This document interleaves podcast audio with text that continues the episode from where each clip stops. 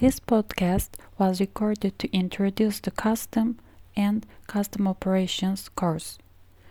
The objective of this course is to explain the content of customs operations and to examine the effect of customs factor on decision in international investments.